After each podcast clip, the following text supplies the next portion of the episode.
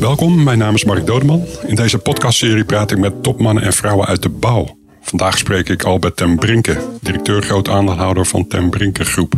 Zijn bedrijf schoot de afgelopen jaren als komeet de top 10 in van grootste bouwbedrijf van Nederland. Alleen dode vissen gaan met de stroom mee, stimuleert de Twentenaar zijn medewerkers om vooral kritisch en eigenwijs te zijn. Het bedrijf uit Varsenveld laat zich niet begrenzen en haalt rond de 85% van zijn omzet in Duitsland. De Duitse beleggers houden van de ongecompliceerde, maar groen liggen ten brinke met zijn roerpotaccent, die in zijn onafscheidelijke ruitjeschrift al zijn afspraken noteert. Albert ten Brinke, die het vak leerde van Dick en Herman Wessels, heeft graag de touwtjes in handen. De kantoren, het materieel en de ruim 400 auto's zijn alle in eigendom. Leningen heeft het bedrijf nagenoeg niet en ontwikkelposities betaalt ten Brinke uit eigen zak. Zijn verklaring? Winst valt niet uit de lucht.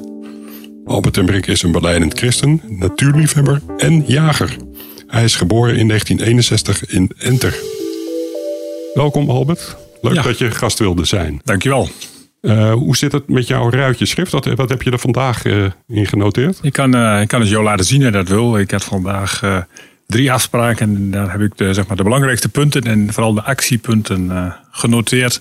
Zodat mijn secretaresse dat in de gaten kan houden dat de actiepunten ook worden afgewerkt. Want zij maakt daar een kopie van Ja. en laat me, legt me die net zo lang voor tot het punt wat er staat opgelost is. Oké, en staan er nog spannende dingen tussen? Ik, ik snap Oh, dat je niet eh, alle projecten misschien kan noemen, maar Nee, dat staat best. We hebben een heel mooi project besproken in, eh, in Duitsland, in de buurt van Düsseldorf, met 268 eenheden.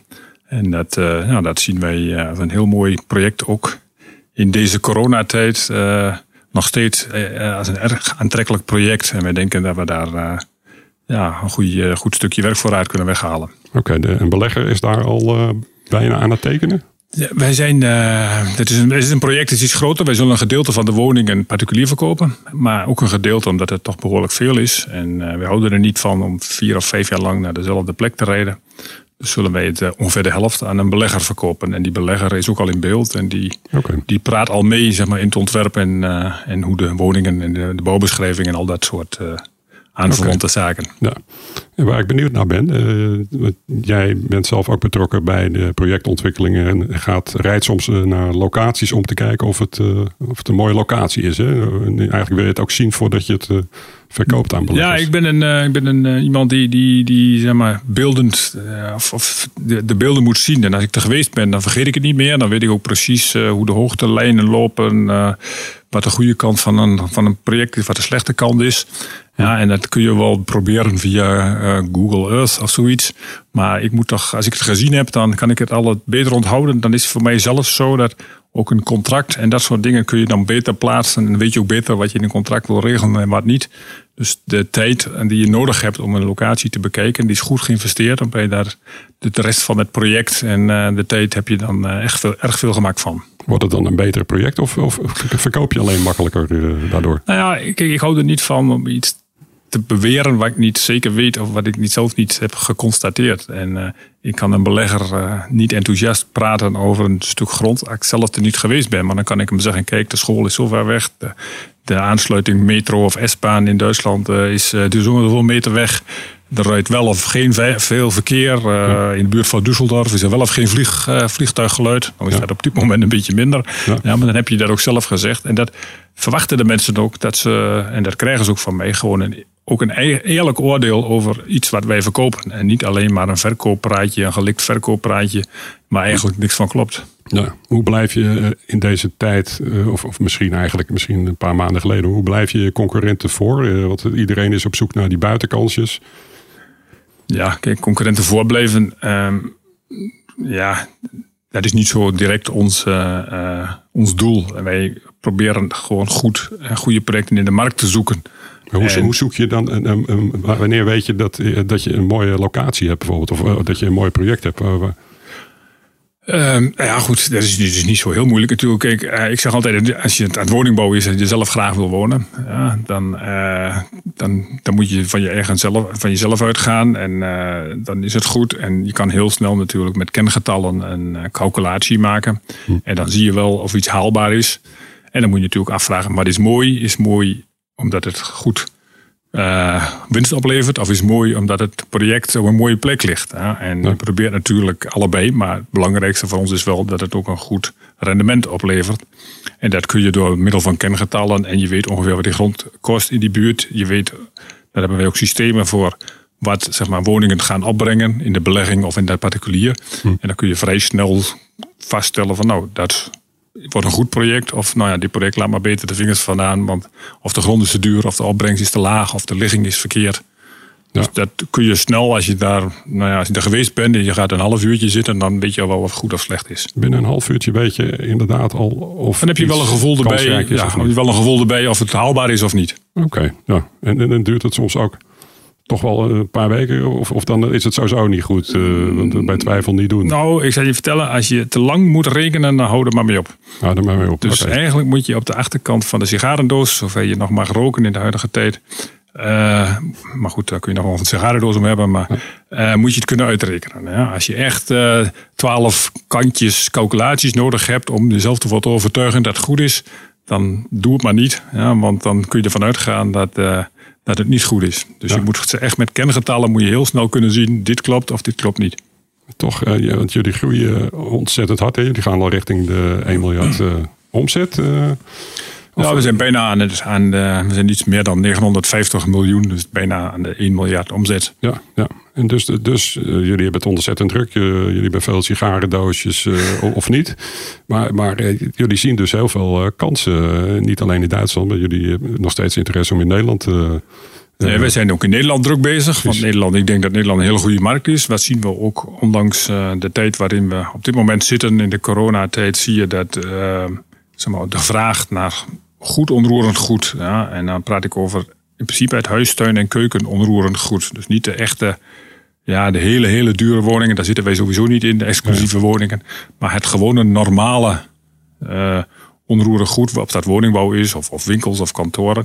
Daar, zijn, er is heel erg veel vraag naar. Ons, ons valt op dat ook in de particuliere markt uh, de vraag uh, ja, nog steeds ongebroken is. Ja? En ook bij beleggers je ziet dat bepaalde assetklassen op dit moment, of dat zijn hotels, ook kantoren, um, uh, boardinghouse, uh, uh, microliving, daar zie je dat beleggers bang van worden een beetje. Ja, dus daar gaan ze weg. Ja, en je ziet dat eigenlijk, en dat is eigenlijk ook een marktsegment waar wij ons altijd in bewegen, uh, de normale woningen, zeg maar, dus niet, niet, niet in de slechte liggingen, maar normale liggingen en niet te duur. Ja. Daar zijn beleggers gek op. En die, je ziet nu ook, dat hoor ik ook van uh, beleggers die bij ons kopen, dat dat soort producten nu zich zelfs in een uh, hogere vraag mogen verblijden. Omdat die ja, laten zien, ook in de huidige coronatijd, dat er haast geen huuruitval is.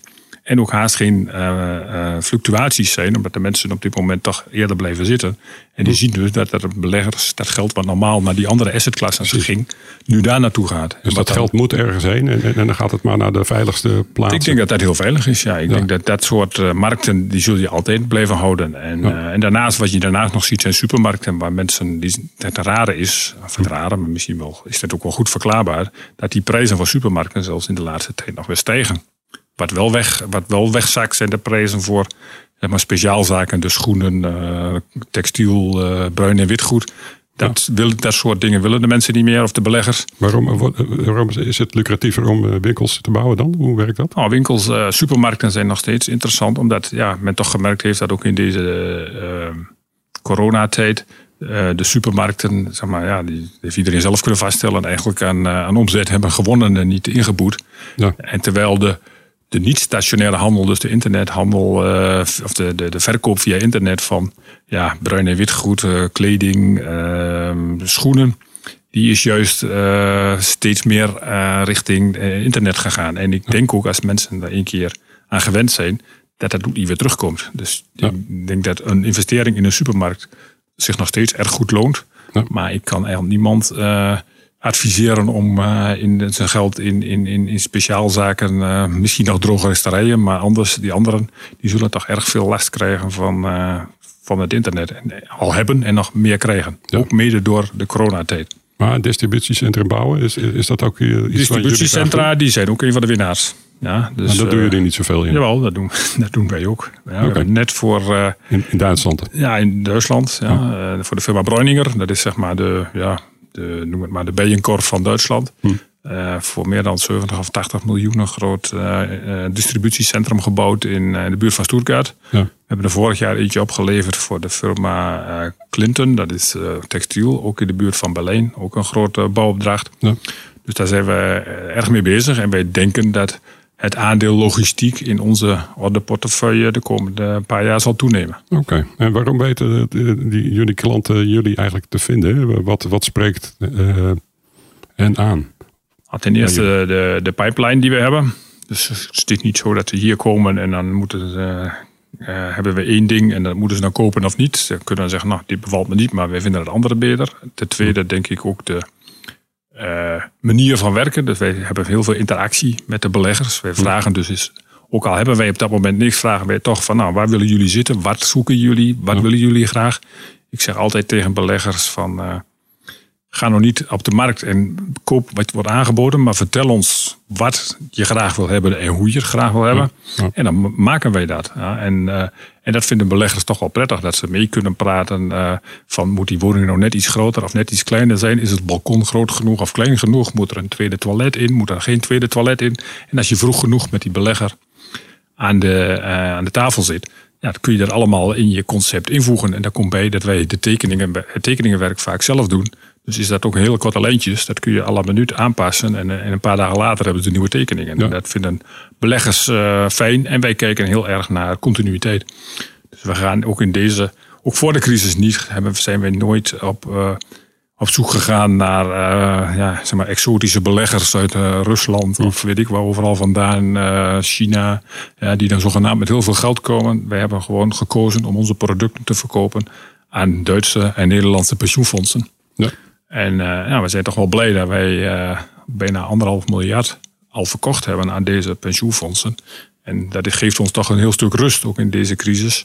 Omdat we daar nu in alle, ah, meer of minder in alle rust in ieder geval mee bezig kunnen gaan. En de uitvoering door de komende twee jaar hebben wij in principe daarmee eigenlijk onze, onze omzet al zeker gesteld. En dat is wel een heel uh, geruststellende gedachte in deze tijd. Is dat jullie geheim ook een beetje? Want jullie hebben die, die COBA Award gewonnen voor best presterende bouwbedrijf. En, en eigenlijk uh, scoren jullie een enorme goede netto winstmarge ook. Uh, is dat het lijntje met die pensioenfondsen wat, wat jullie zo... Nou, ja. niet alleen. Kijk, we hebben, we hebben ook andere opdrachtgevers. Ja, want wij maken in feite ook als wij voor derden bouwen, dat doen we misschien voor een kwart van de omzet, denk ik. Uh, ook goede marges. Maar dat betekent, kijk, wij, we hadden deze week nog een gesprek met iemand en daar ging het om aanbesteden of niet. Ja, ik zeg, je kan veel beter uh, samenwerken met ons ja, dan dat je een aanbesteding doet. Want dan heb je dus iets uitgedacht en dan zoek je dus bij jouw uitgedachte oplossing een aannemer die jouw oplossing gaat realiseren.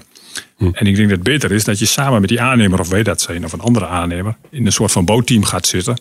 En dan elkaars expertise gebruiken. Ja, ik denk dat dat veel belangrijker is dan dat je in principe door een, door een, door een aanbesteding maak je eigenlijk je, de aannemer tot jou ja, tegenover. Ik zal niet zeggen vijand, maar toch iemand die aan de andere kant van de tafel zit. Misschien omdat hij het werk nodig heeft een slechte prijs gemaakt heeft. En dan zoekt naar hiaten ja, in jouw woonbeschrijving om, om meer kosten uh, te krijgen, om zijn prijs weer goed te maken. Nou, en als je gewoon samen een budget afspreekt en je, en je zorgt dat je uh, goed met elkaar uh, de, de, de, de, de, de, de kruisbestuiving goed uitoefent, dan zijn er heel vaak dingen die je dan een opdrachtgever kunt zeggen, nou maar dit heb je toch niet nodig, dat kun je toch zo doen, of dit kan kleiner, of dat kan anders. Ja. ik geef me bijvoorbeeld, we hadden laatst iemand die had een kelder gemaakt voor zijn installaties en we hebben gezegd, zet ze nog gewoon op het dak. Ja, dan hoef je geen kelder, dan heb je ook geen lekkages. Ja, als tenminste het dak goed dicht is. Ja, en uh, je spaart gewoon gigantische kosten. Ja, en dat soort dingen, dat, dat vind ik nog wel eens jammer. En dat is vooral in Nederland is er nog wel eens het geval dat iedereen denkt, ja, die bouwer is niet te Een naambesteding is, is, ja, een naambesteding is, uh, is, is per definitie het beste. Nou, ik ben daar niet van mening. Ik denk dat het beter is om die aannemer, kijk, vroeger was een aannemer misschien iemand, ja, die kon steentjes stapelen en meer kon die niet. Nou, dat, dat proces of die fase houden we lang achter ons. Ja, wij kunnen veel meer als alleen maar steentjes stapelen. Wij hebben ook eigen ingenieurs, we hebben eigen installatieadviseurs, we hebben eigen constructeurs in dienst.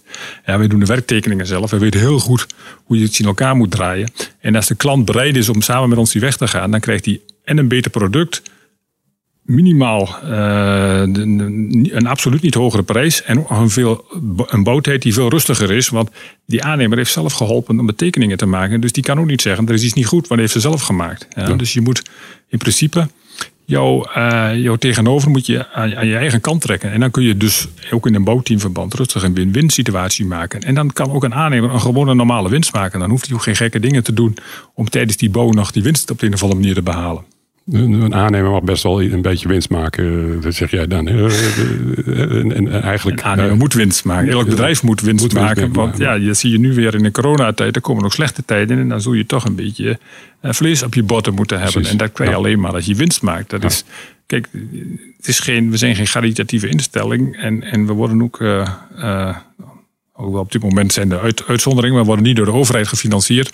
En ik zeg altijd, we krijgen de boommaterialen niet van de koning geschonken. We hm. moeten ze kopen. Ja. dus dan zul je toch winst moeten maken. Om ook voor je medewerkers, en ondertussen hebben wij er ook meer dan 1100, eh, een goede en, en, en, en solide werkplek eh, te verzorgen. En dat kan alleen maar als een aannemer winst maakt. En winst, jammer genoeg, moet ik zeggen, in de Nederlandse media, dan ben je bijna uh, asociaal als je winst maakt. Maar winst is nodig om die bedrijven ook voor de toekomst, om er ook voor te zorgen dat die bedrijven voor de toekomst uh, zeg maar, uh, ook een, stormpje kunnen doorstaan. En niet dan direct weer bij de overheid moeten aankloppen om ondersteuning te vragen. Nou, dit is een mooi verhaal natuurlijk over het, voordeel van bouwteam. Ik wil nog even terug toch naar jij als persoon, als, als ondernemer. En, en jij bent in Enter geboren.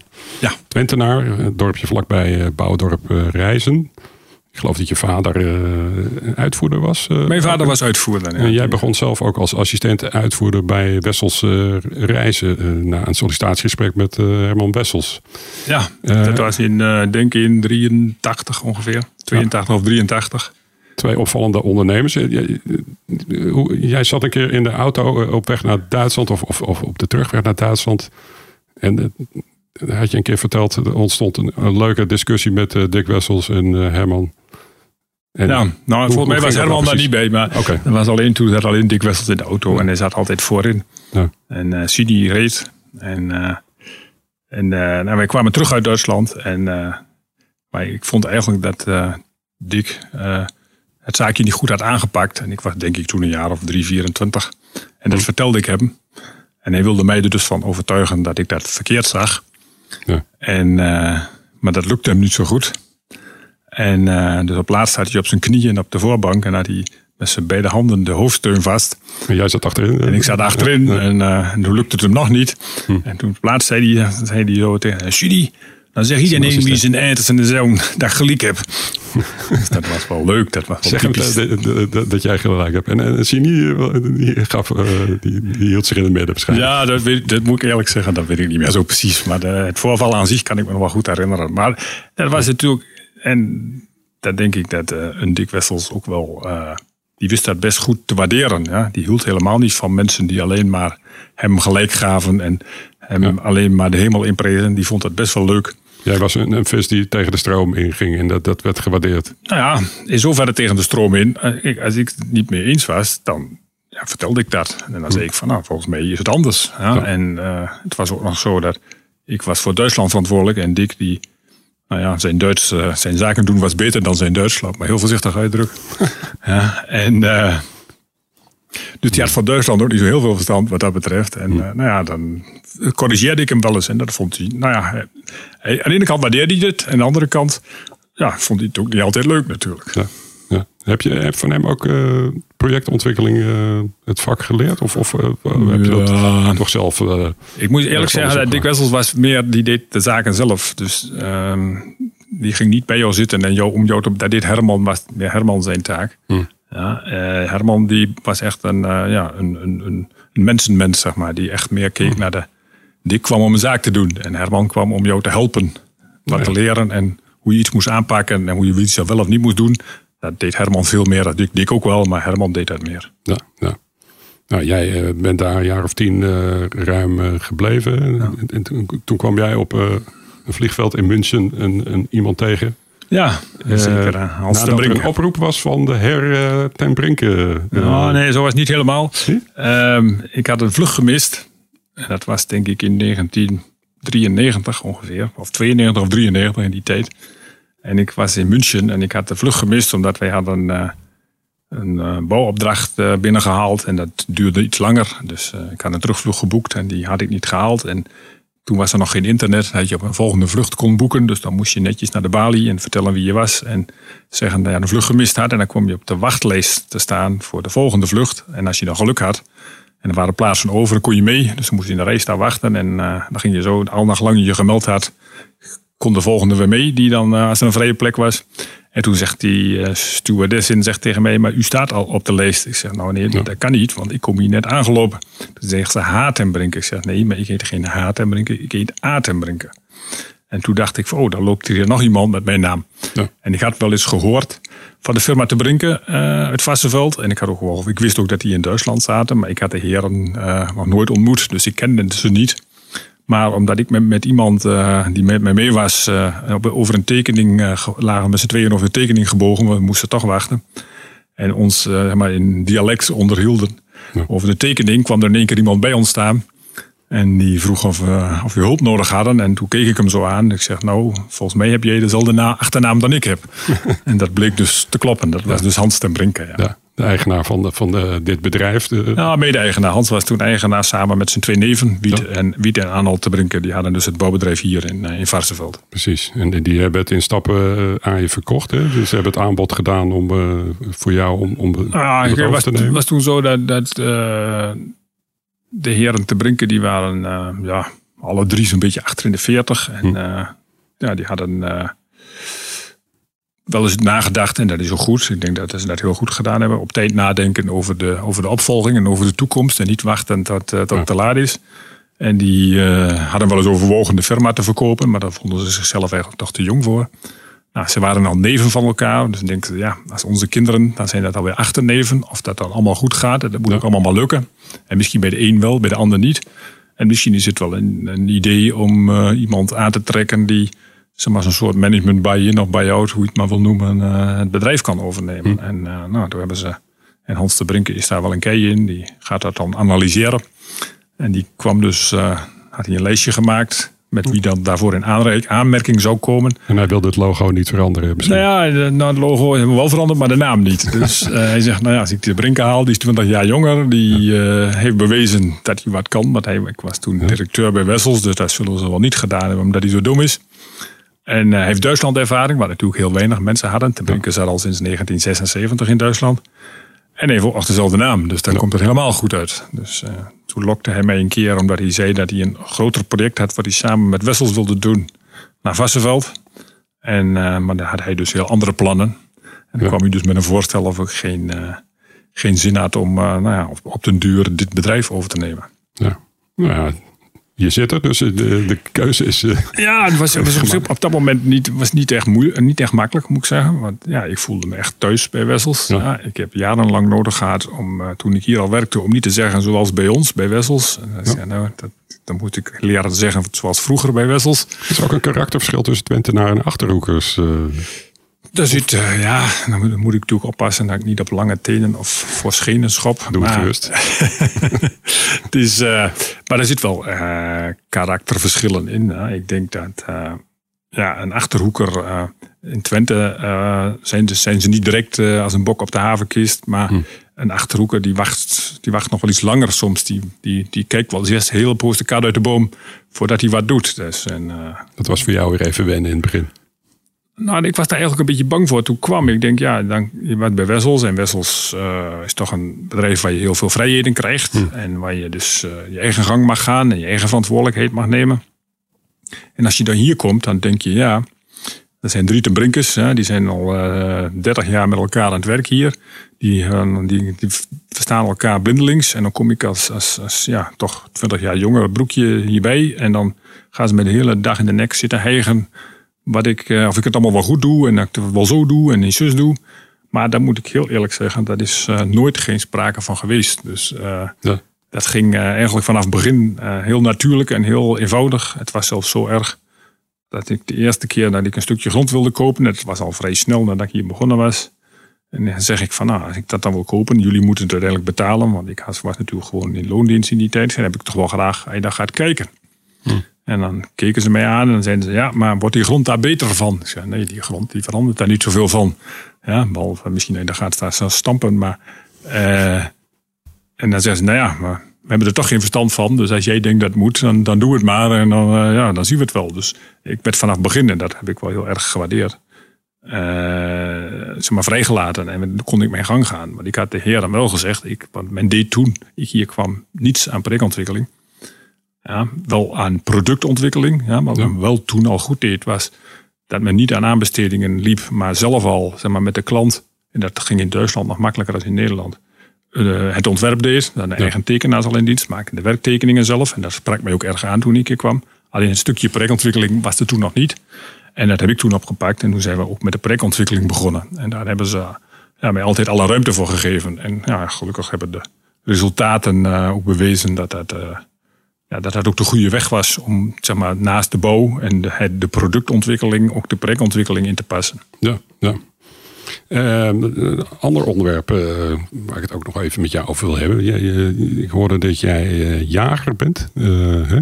ik moet dan denken, een projectontwikkelaar die, die, die jaagt, die, die zoekt naar, naar een prooi en dat is dan een mooie locatie. dus ik, ik vond dat wel ja, treffend. Maar jij bent een, een jager die in Duitsland zijn vrije tijd af en toe nou ja, erop uitgaat, maar ook in Afrika eh, iets doet, begreep ik. Hè? Ja, ja dus, kijk, een jager, en dat wil ik wel even zeggen, dat heeft vaak in Nederland een beetje een negatieve uh, klank. Ik ben in eerste instantie natuurliefhebber. En uh, ik hou van de natuur en ik ben graag in de natuur onderweg. Ja, en ik heb zeg maar thuis ook uh, een stuk of uh, 15 damherten. En als er eentje van ziek is, dan bel ik netjes de dierenarts. En die laat ik hem verzorgen. Maar in, de, in het wild werkt dat zo niet. Ja, en dan moet je dus, omdat er uh, met een mooi woord uh, geen predatoren zijn, dan is de wolf onderweg. Maar of dat een goede ontwikkeling is, dat weet ik nog niet. Hm. Ja, maar je moet dus, iemand moet dus zorgen voor een evenwicht in de natuur. Hm. Ja, en, en daar zijn jagers heel belangrijk voor. Ten eerste is het jagen, iedereen denkt dan direct aan het doodschieten van dieren, is maar een heel klein onderdeel. Het is ook het beheren van je gebied. We hebben een gebied in Duitsland, in de Eifel, van 1200 hectare. Hmm. En we leggen dus uh, wildakkers aan als de winter, nou de laatste paar jaar geen last van, maar als de winter erg streng is, dan voeren wij bij. Nou, ja. Dat is bijvoorbeeld één gouden regel voor een jager. Als je bijvoert, ga je 200 meter of 150 meter om de voerplek heen niet jagen. Want dat is niet eerlijk. Als je eerst de diertjes er naartoe lokt en, en die hebben honger en dan schiet ze vervolgens dood. Dus dat doe je gewoon niet. Ja? En uh, je kijkt ook naar je gebied en je kijkt van uh, wat kan dat gebied verdragen. Uh, je ziet ook met verkeersongelukken die dieren veroorzaken. En dan ga je kijken, nou, wat is een goed afschot? En dat gaat zelfs zo in Duitsland. Samen met de overheid leg je dan vast, wat is in dit gebied, een, een, een wat kan dit gebied aan wild verdragen? Wat is er ongeveer? En nou ja, wat kunnen wij dus aan goed wildbestand uh, hier houden? En als je op jacht gaat, ga je ook eerst kijken naar de zwakste dieren. Want die, als die zich uh, verder voortplanten, dan krijg je, krijg je kans dat de volgende generatie ook weer zwak wordt. Dus je probeert eerst de zwakkere en de zieke dieren eruit te halen. Ja, ik heb bijvoorbeeld dit jaar al drie dieren geschoten. Die, hm. ja, daar was het vlees zelfs niet van te gebruiken. Die waren gewoon ziek. Ja, En die hadden uh, diarree, die hadden bloedarmoede. Ik weet niet wat het allemaal was. Maar in ieder geval, die waren absoluut heel erg ziek. Die hadden ook zeg maar, de komende paar maanden niet meer overleefd. Maar als zo'n dier gewoon bij de roedel loopt. En door zijn uitwerpselen zeg maar, komt in het gras. Die andere dieren eten dat weer. Dan worden er meer dieren ziek. En dat is denk ik de hoofd, hoofdtaak van de jager. Hè. En, dus, en ik verbeeld mijzelf dat ik ook zo'n jager ben die dus men noemt dat bij ons weidelijk, die weidelijk jaagt. Ja, weidgerecht, zeggen ze in Duitsland. Hm. Ja, dus die ook de regels voor het jagen in acht neemt en niet. En het schieten, kijk, het schieten is maar een heel klein onderdeel. Dat is maar een heel klein onderdeel van die hele jacht. Het is ook de hele beleving, het samen zijn met elkaar, het in de natuur zijn, ja, het, het praten over dieren, het praten over wat je gezien hebt. Ik kan ervan genieten. Als daar een roedel roodwild loopt, dan hoef ik niet zo nodig direct maar als je, als je daar te maken. Je, je, kleren, je jagerskleren uh, staat met je geweer en je ziet het eerste beste dier, dan, uh, Nee, maar zo werkt het niet. Hè? Je gaat niet precies. eerst de beste dier schieten. Nee. Ja, want eh, je moet eens eerst kijken, wat is het voor dier? Ja. Ja, en eh, is er nog goed? En als die goed is en hij is niet oud genoeg, dan laat je hem lopen. Ja. Ja, dus ik heb heel vaak dat je, eh, en dat is veel moeilijker eigenlijk. eh, kijk, eh, de vinger krom schieten, dat kan iedereen. Maar om te kijken, waar is dat een goed dier? En uit, uit- als er er meerdere zijn, wat zijn de zwakste? Om die, zeg maar, eh, weg te halen. Want als er een natuurlijke vijand zou zijn geweest, die pakt ook vaak de zwakste, want die kan net niet genoeg snel genoeg wegkomen samen met eh, de andere. Dus in principe is het een soort ja, vervanging van de natuurlijke vijanden van dit soort dieren. En dat zie je bijvoorbeeld, we, hebben, we zijn allemaal erg bang voor de Afrikaanse varkenspest. Die onderweg is. Nou, als er te veel wilde varkens komen, dat zie je ook in Nederland, die discussie. Ja, dan gaat zo'n verspreiding heel erg snel. En dat kunnen we natuurlijk niet gebruiken. Dus die probeer je ook tegen te gaan. Dus het is het jagen. en Het is in eerste instantie natuurliefhebber. En je jaagt omdat je weet dat er anders ja, ongelukken gebeuren. Er komen te veel dieren, dieren worden ziek. Het bos gaat eraan kapot. Ja. Omdat er te veel dieren zijn die overal eh, alle, jonge, alle jonge aanplant eh, weg, wegknabbelen. Dus daar zorg je voor dat daar niet te veel van is. Je voelt je wat verantwoordelijk voor de natuur. Zit er een link hè, met een ander onderwerp eh, waar je misschien nog niet zo bekend om staat, zeker niet bij het koopbouwpubliek, is dat, dat je een, een, christelijk eh, eh, achtergrond hebt, of, of beleidend christen bent, Ja, eh, ik begrijp ik. Dat je twee keer eh, op een zondag eh, naar de kerk gaat. En zit dat rentmeesterschap en, en het jagen, Ja. eh, zit, zit, eh, is dat verbonden? Oh, is veel meer. Ja. Wij, eh, zeg maar, de christelijke achtergrond vind ik een beetje te kort doen. Dus daarom, ik noem mij liever een beleidend christen. En Ja. eh, het klopt dat ik eh, ja, zondags gewoon gewoonlijk twee keer naar de kerk ga. En eh, in de in coronatijd betekent dat dus twee keer naar, de, naar het beeldscherm kijk. Want eh, je mag, je mag niet eh, naar binnen. Ja, ja je mag naar 30 binnen, maar dan mogen er maar 30 naar binnen. En dan Niet allemaal het, tegelijk. Ja. dan is het zeg maar, de ouderlingen en diakenen en, en, en, en, en dominee, daar zijn er al minstens 10. Dus dan mogen er nog 20 in. Ja, en er zijn allemaal mensen die willen dan al wel drie kwartier van tevoren gaan zitten. En dat, is mee, dat, dat, dat doe ik dan liever niet. We kijken dan thuis? eh, Ja, we kijken en thuis Dus een in, eh, videoverbinding in- met jouw eh, Ja, favoriete kerk. eh. YouTube.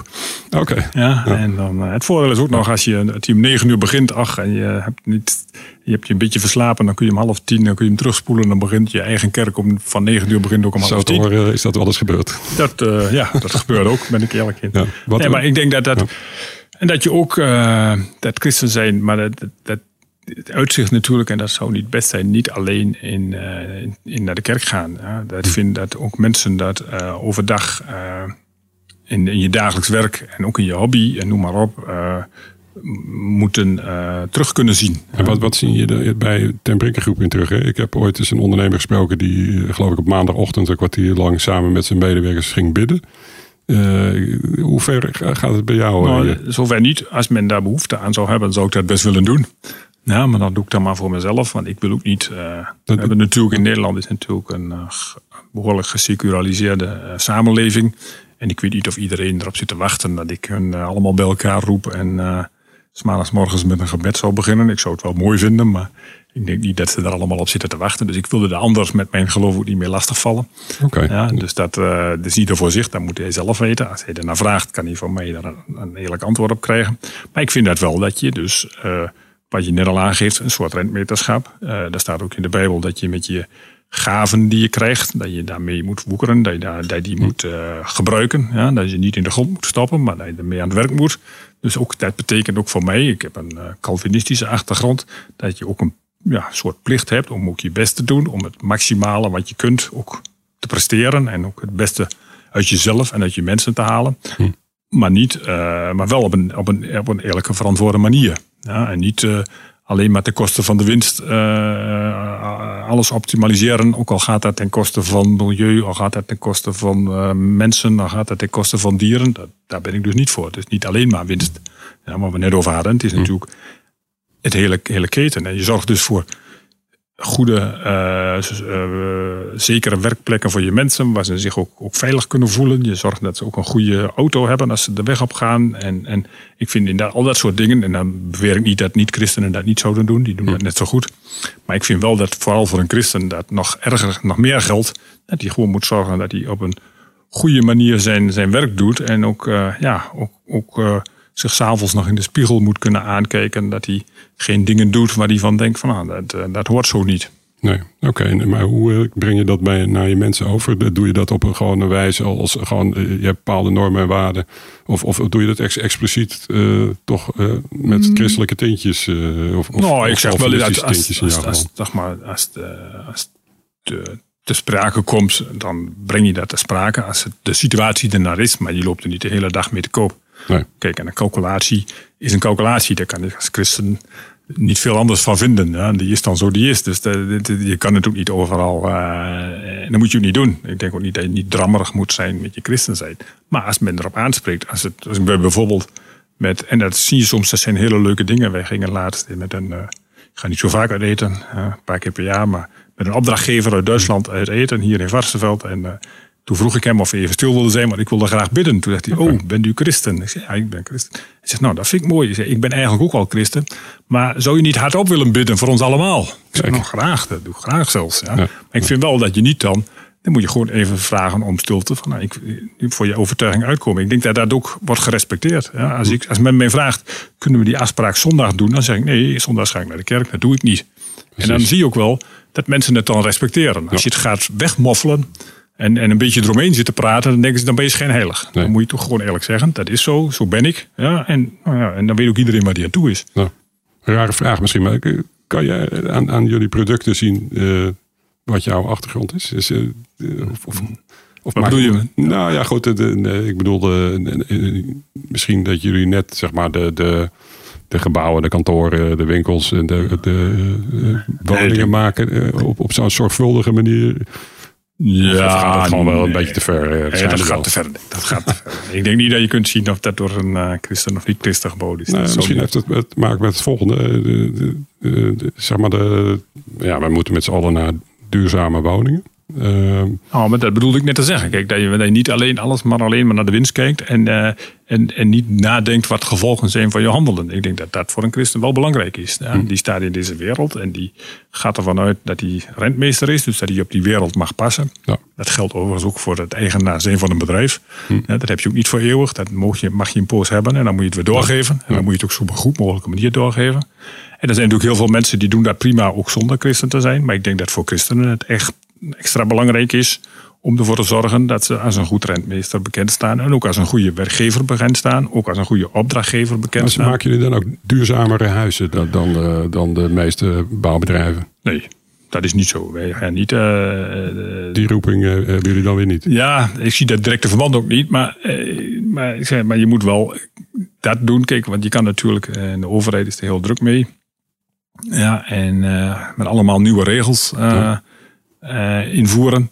Wat ertoe voert dat uh, de woningen alleen maar duurder worden. Ja. dus het moet wel een goed evenwicht zijn. Ik zeg, je kan een hele mooie woning bouwen die uh, aan alle eisen voldoet. Maar als die dan voor de normale Jan met de pet te duur wordt, ja. Ja, dan, dan, dan doe je dus niet goed. En dat is wat ik op het moment in Nederland duidelijk zie. Hm. Ja, dat men een beetje aan het doordraven is. Hè. Ja. Dat gebeurt met, uh, op allerlei gebieden. Ja. Je hebt uh, de, alle, uh, we moeten in Nederland gasloos bouwen. Nou, dat mag best een, een, een goede reden aan, onderaan liggen. Maar goed, als ik 10 kilometer uh, richting de, over, net over de Duitse grens ben, dan krijg ik bijna subsidie als ik met gas ga bouwen. Ja. ja en, maar dat maakt een huis wel tussen de 10.000 en 15.000 euro duurder in Nederland. Ja. ja. En dan moet je kijken, is dat dan allemaal op de goede manier? Ja, wij hebben hier heel grote problemen met stikstof. Nou, ik denk dat de droogte die we elke keer meemaken misschien wel een groter probleem is voor de natuur dan de stikstof. Ja, maar dat voert ertoe dat je bijvoorbeeld bepaalde gebieden niet mag doen. Of dat je andere manieren van bouwen moet toepassen, wat weer duurder wordt. Ja, we krijgen straks uh, de, de bijna energiezuinige, uh, energie-neutrale gebouwen, de BENG. Kost je weer 100 euro uh, per vierkante meter, de beer. Nou, dat moet die mensen die zo'n huis gaan bewonen straks wel opbrengen op een of andere manier. En ik ben bang dat we ons, want het bouwen in Duitsland en Nederland is qua materiaal niet duurder. In Nederland kost de kalkzandsteen en de beton is vergelijkbaar met Duitsland. Alleen het bouwen aan zich in Nederland is op dit moment gewoon 10% duurder, misschien soms nog wel iets meer dan in Duitsland. Omdat die eisen zo. Omdat we al die eisen hebben en niet alleen die, dan komt er ook nog bij. Ik zeg bijvoorbeeld. Uh, de uh, vergunningskosten in Nederland, hm. heeft dan denk ik nog nooit iemand echt goed bekeken, maar die zijn vier tot vijf keer zo hoog als in Duitsland. Wat, wat kost dat dan? Per, per Nou, ik, heb een, eh, ik heb net nog nagekeken. In Hendrik Ido Ambacht hebben wij een eh, 42 appartementen vergund gekregen. Kost die 213.000 euro. Nou, en dan heb je toch, en de Hendrik Ido Ambacht, niks tegen Hendrik Ido Ambacht, maar dat is toch niet terecht. Hij zegt, nou, dat, eh, dat is bijzonder mooi, daar moet je daar meer betalen. Dus, en, maar als je dat vergelijkt met, ik heb dat vergeleken met een stad als Berlijn, met een stad als Frankfurt, met een stad als München. Dan zit je daar, dat kost het vergelijkbaar gebouw tussen de 20 en de, en de 60.000 euro aan vergunningskosten. Dat Zo. betekent natuurlijk wel Ja. bij 40 appartementen ja, dat je zo over 3.000, 4.000 euro per appartement meer betaalt. Alleen de vergunningskosten. Ja, dan komen die bouwkosten. zijn eh, gewoon duur. Of die, Ik weet niet of die duur Ze nemen in ieder geval meer geld. Of ze duurder zijn, dat weet ik niet. Ja. Ja, en dat vind ik altijd, en dat vind ik dan een beetje het hypocriete aan de overheid. Dat aan de ene kant zegt, de eisen naar boven, zelf de eigen kosten absurde hoogte eh, brengt. Ik, ik zou niet weten waarom zo'n vergunning 213.000 euro moet kosten. Ja, en dan eh, daarnaast de eisen hoog stelt. En dan, en dan zich vervolgens erover beklaagt dat de bouw zo duur is. Ja, wij kunnen het gewoon goedkoper bouwen. Wij kunnen veel goedkoper bouwen. Ja, en dat vind ik dan ook eh, een taak van ons. Eh, als men ons een beetje de vrijheid laat. Als men, kijk, in Duitsland bijvoorbeeld, en nog niet dat in Duitsland alles goed is. Er zijn nog voldoende dingen die zijn helemaal niet goed. Maar dan mag ik rijtjeshuizen bouwen, vergunningsvrij, als ik aan het bestemmingsplan voldoe. Dan betaal ik 75 euro ja, voor de behandelkosten, punt. Ja, nou, in Nederland betaal ik 3.000, 4.000 euro voor hetzelfde rijtjeshuis. Alleen aan vergunningskosten. Ja, En dan komt er gasloos bij. Dan komt er de bank bij. Dan komen er nog allerlei andere eh, voorschriften bij. Dan komt nog de welstand. Die vindt toch dat er een verspringing in moet zitten. En dat er nog een rollaag bij je moet. Ja, en dat moet uiteindelijk wel door die klant aan het eind betaald worden. En daarom is het bouwen in Nederland zo duur. Het zit eigenlijk vooral de voorkant niet zozeer bij, bij de bouwers, eh, zeg je. Maar aan de andere kant, eh, als je toch eens Ja, maar als je gewoon kijkt gemiddeld wat een bouwer verdient in Nederland, is 2%, 3%. Dat, dat kun je niet zeggen dat hij nou overdreven veel geld verdient. Ja, maar jullie, jullie verdienen 10%. Maar is dat dan vooral eh, in, in Duitsland wat, wat Nee. nee, wij verdienen, hebben bijna dezelfde ook in Nederland procentuele winst in Nederland als 10%? in Duitsland. Ja, maar ik denk dat een beetje, daar zit een beetje meer in dat wij de, de processen zeg maar, heel klein houden, heel overzichtelijk houden. En, en, en algemene kosten. Kijk, waar wij krijgen niet meer voor een huis dan een ander. Ja. Of voor een product wat wij bouwen. Het is niet zo, passend maar waar. Dat iemand zegt, nou als de Brinken bouwt, dan krijg je 10% meer. Wij zijn geen Rembrandt of zo, die het schildert wat dan in één keer veel meer waard, wo- waard wordt. Dus wij moeten het met dezelfde markt doen. We zijn allemaal op dezelfde markt. Ja, en eh, dus ik denk dat wij gewoon de- onze processen gewoon heel goed op elkaar afgestemd hebben. En heel dicht op elkaar zitten. De hele preontwikkeling en bouw, die werken heel eng samen. Om ervoor te zorgen dat je ja, in tijd niet te veel tijd verliest. Maar ook eh, je product op, vanaf het begin op een goede manier in elkaar draait. En niet de een wat laten uitzoeken en na, tot het helemaal klaar is. Naar de volgende brengen die dan zegt, ja maar het is niet goed. Dus eh, begin maar weer opnieuw. Of we gaan het toch weer veranderen. En dat kost allemaal tijd. Dat kost allemaal geld. En daarnaast denk ik, ja, dat, dat, eh, en dat is natuurlijk ook een, een feit in de bouw. Faalkosten, die zijn natuurlijk wel heel hoog. Dus wij- ik ben daarvoor, eh, daarom ben ik ook best voor eh, meer prefab inzetten in de bouw. Om ervoor te zorgen dat die faalkosten naar beneden gaan. Want ik denk dat faalkosten, die zijn natuurlijk heel moeilijk te bepalen. Want ja, wat zijn faalkosten? Je kan zeggen een faalkost is wat, iets, wat in elkaar zakt. Ja, dat is een faalkost. Maar een faalkost kan ook zijn dat je iets in beton bouwt. Terwijl het in kalkzandsteen of hout gewoon goedkoper is. Maar dat merk je niet, want dan gaat het niet meer fout. Maar dan was de beslissing al fout. Ja, en als je daarnaar kijkt, ja, dan is daar denk ik naast wat ik net zeg, eisen en, en, en, en, en, en, andere aanverwante zaken, is denk ik ook in de faalkosten door een, een, een beter proces, ehm, procesbeheersing eh, en, en meer prefab, eh, valt er in de bouw een omslag te maken. Want ik was voor 40 jaar geleden ben ik bijna in de bouw begonnen. Toen bouwden wij eh, nou ja, met kalkzandsteen en breedplaafvloeren of kanaalplaafvloeren. En eigenlijk doen we dat nog steeds. Ja, en dus, Dus eigenlijk dus is het heel weinig- gewoon niet. Hoe kan dat nou met... met Weinig innovatie. Te, dus ik denk dat wat dat betreft, ik denk dat de komende 10 jaar de bouw meer gaat veranderen dan de afgelopen 40 en jaar. hoe komt dat dan dat het nu wel gaat gebeuren? Nou, eerst omdat de handjes er niet meer zijn. Ja, dus je vindt de mensen niet meer op de bouwplaats die, eh, die het nog in elkaar kunnen zetten. Terwijl de vraag er wel eh, enorm En is. de vraag is er wel. Ja. Dus je zult toch een ander soort proces moeten doen. En je doet natuurlijk zo langzaam met, met BIM en noem maar op, doet natuurlijk ook de computer steeds meer zijn intreden in het bouwproces. En wij hebben bijvoorbeeld één bouw. Wij bouwen voor de firma Edeka in Meurs. De nieuwe eh hoofdniederlassing, zoals ze in Duitsland zeggen. Dus de nieuwe hoofdvestiging. Ja. En dat is een bouw voor ons van midden 70 miljoen ongeveer. En dan wordt de hele bouwlogistiek doen wij samen met Porsche. Met Porsche Consulting. Die dus het know-how vanuit het, eh, de, zeg maar, hoe Porsche de, de auto's, de lopende band en noem maar op, in elkaar, de auto's in elkaar zet. Met ons samen zeg maar, omzet ook. Hoe doen we nou die hele bouw? Hoe organiseren we nou die bouw zo? Dat er gewoon iedereen goed weet waar hij wat die moet doen, wat hij die dag moet doen. En dat gaat echt per dagdeel wordt dan zo'n grote bouw gepland. En dat gaat best goed. En uh, daar zijn onze mensen echt uh, laaiend enthousiast over. Dus daar gaan jullie iets meer mee doen de komende Daar jaren? zullen we zeker meer mee doen. Ja. Ja, dus jullie uh, worden straks misschien ook wel een, een van de koplopers uh, op het gebied van de innovatie in de bouw. Nou, dat weet ik niet. Uh, wij zijn niet zo echt degene die, wat ik net ook al zei, of dat, wij zien de concurrenten niet, niet als concurrent en wij willen niet per se koploper zijn, maar wij zullen ook vast niet de laatste zijn. Dus wij willen graag in die ontwikkeling die de bouw gaat doormaken, willen wij graag een onderdeel van vormen. Ja, ja. dat zie je toch wel als, als, als doel om. Um... Dat is een van de doelen. Ja. Ik denk dat, dat, dat, dat je het bouwproces, zo die zeg maar de laatste 30, 40 jaar geweest is, ik denk, daar moeten we veranderen. Anders dan uh, ja, missen we gewoon, dan krijgen we een product wat straks helemaal niet meer betaalbaar is. En wat ook niet, waar we ook geen mensen meer voor vinden. Nu hebben we nog heel veel mensen uit Oost-Europa die ons daarbij helpen. Ja. Maar als het daar straks nog beter gaat, dan gaan ze, komen ze ook niet meer. En dan hebben we niemand meer die het doet. Dus we zullen daar gewoon goed over moeten nadenken. Van nou, hoe krijgen we nou zo hoog mogelijk een bouw in elkaar? Maar dat betekent natuurlijk ook van een overheid dat hij dat ook moet accepteren. Dat bepaalde dingen gewoon dan ook eens een keer hetzelfde eruit zien. Want je wil standaardiseren, begint er natuurlijk ook met een bepaalde mate van, van ja, dan kun je niet elk gebouw anders maar zitten maken en elke keer een nieuwe oplossing uitdenken. Want dan, dan helpt het allemaal niks meer. Ja, want dan wordt het alleen maar duurder. Dan wordt ja. zelfs prefab duurder dan traditioneel. Ja. Dus je zult er toch een bepaalde mate van standaardisering moeten aanbrengen. En als dat de overheid ook van mening is, dan kun je er ook wat mee doen. Moet je dan niet als bouwer ook gewoon een standaard product uh, vooral aan, willen bieden en niet altijd maar steeds luisteren naar, naar die specifieke wensen? Nou, kijk, ten eerste, wie, wie de muziek, in Duitsland ze, wie de, wie, betaal, wie de muziek betaalt, die mag ook be, bepalen wat er gespeeld wordt. Dus ja, als iemand maar dan, vindt, dan blijft het uh, zo. Ja. Nee, maar goed, dat is hier zijn eigen geld. Ja. Maar wat gebeurt hier natuurlijk is, mensen willen misschien best wel een standaard product. Alleen dan kom ik bij, de, bij, de, bij een bouw- en woningtoezicht en bij een welstand. Die zeggen, maar dit product willen we hier niet. Dus dit moet anders als in een andere plaats. Ja, waarom Hm. moet een huis in uh, Appelscha anders zijn dan in Maastricht? Weet ik niet waarom.